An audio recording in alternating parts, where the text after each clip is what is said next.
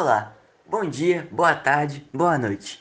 Bem-vindos ao podcast Agropop. E hoje falaremos com a Sara Emanuele, que é engenheira agrônoma, química e representante do setor de agroquímicos da indústria Bayer.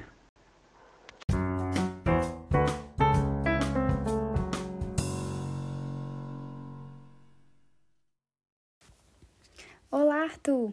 Quero agradecer muito pelo convite e pela oportunidade de estar participando do seu programa.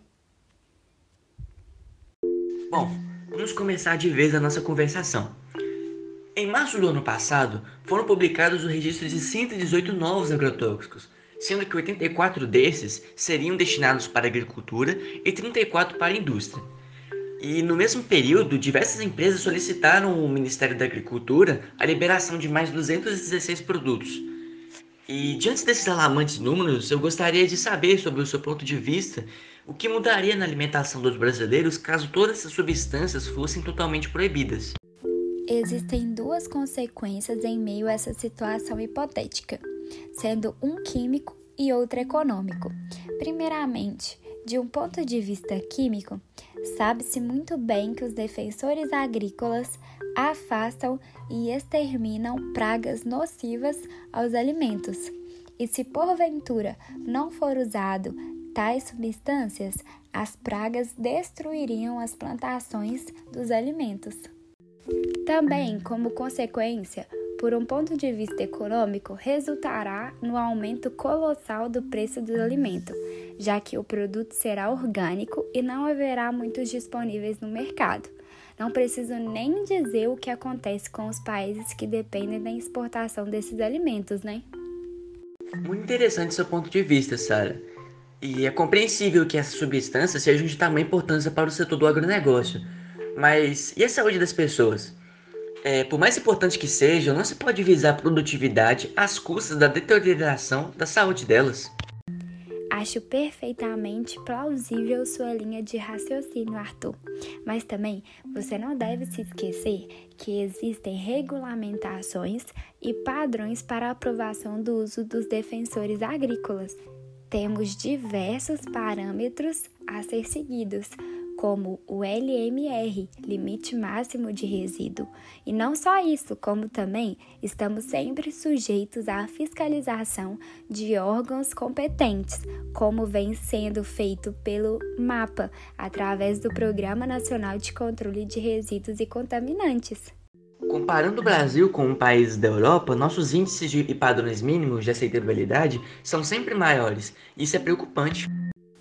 Muito pelo contrário, nossos níveis de amostra sempre variam em torno de 4%, tanto para mais quanto para menos. Tal variância está dentro dos padrões e parâmetros aceitáveis permitidos. Outro fator importante a se questionar sobre o mal dos agrotóxicos é a exposição das pessoas que trabalham aplicando essa substância nos campos. Já ouvi falar de casos que pessoas, uma faixa etária nova, do, na faixa dos 40 e 50, desenvolvendo câncer no organismo.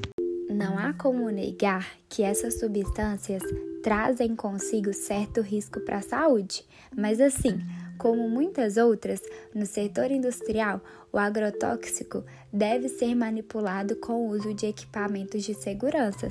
A ocorrência de doenças acontece pois aquela pessoa que tem o maior contato com a substância não está devidamente equipada.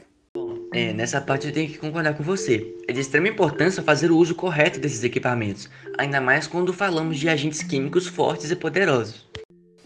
O real problema dos agrotóxicos é a forma de sua aplicação por parte dos fazendeiros.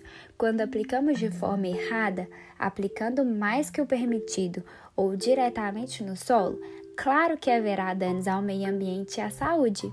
Órgãos de prestígio como a OMS e a Anvisa alertam que esses produtos são nocivos à saúde e ao meio ambiente quando utilizados incorretamente.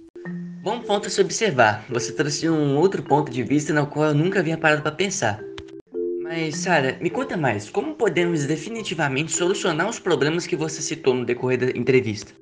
Basta estender a fiscalização do produto para a pessoa que o aplica e para o fazendeiro responsável pela plantação. Além de tudo, Tais mudanças colocarão como responsabilidade de oferecer equipamentos de segurança de melhor qualidade para os donos das plantações. Existem ainda algumas outras soluções que também podem ajudar a minimizar o problema, como também a criação de um mini curso para o modo de aplicação correta desses produtos. Obrigado pela presença e participação no nosso programa, Sara. Pode ter certeza que não só eu, mas nossos ouvintes aprenderam e se inspiraram muito com você hoje. Eu que agradeço essa oportunidade de estar conversando aqui com você sobre um tema tão atual. Muito obrigada e até a próxima. Obrigado a você que assistiu até o final. Nossos cortes dos melhores momentos dessa entrevista ficarão no nosso canal no YouTube. Só pesquisar lá Agropop, você achará nosso canal. É, obrigado e até o próximo podcast.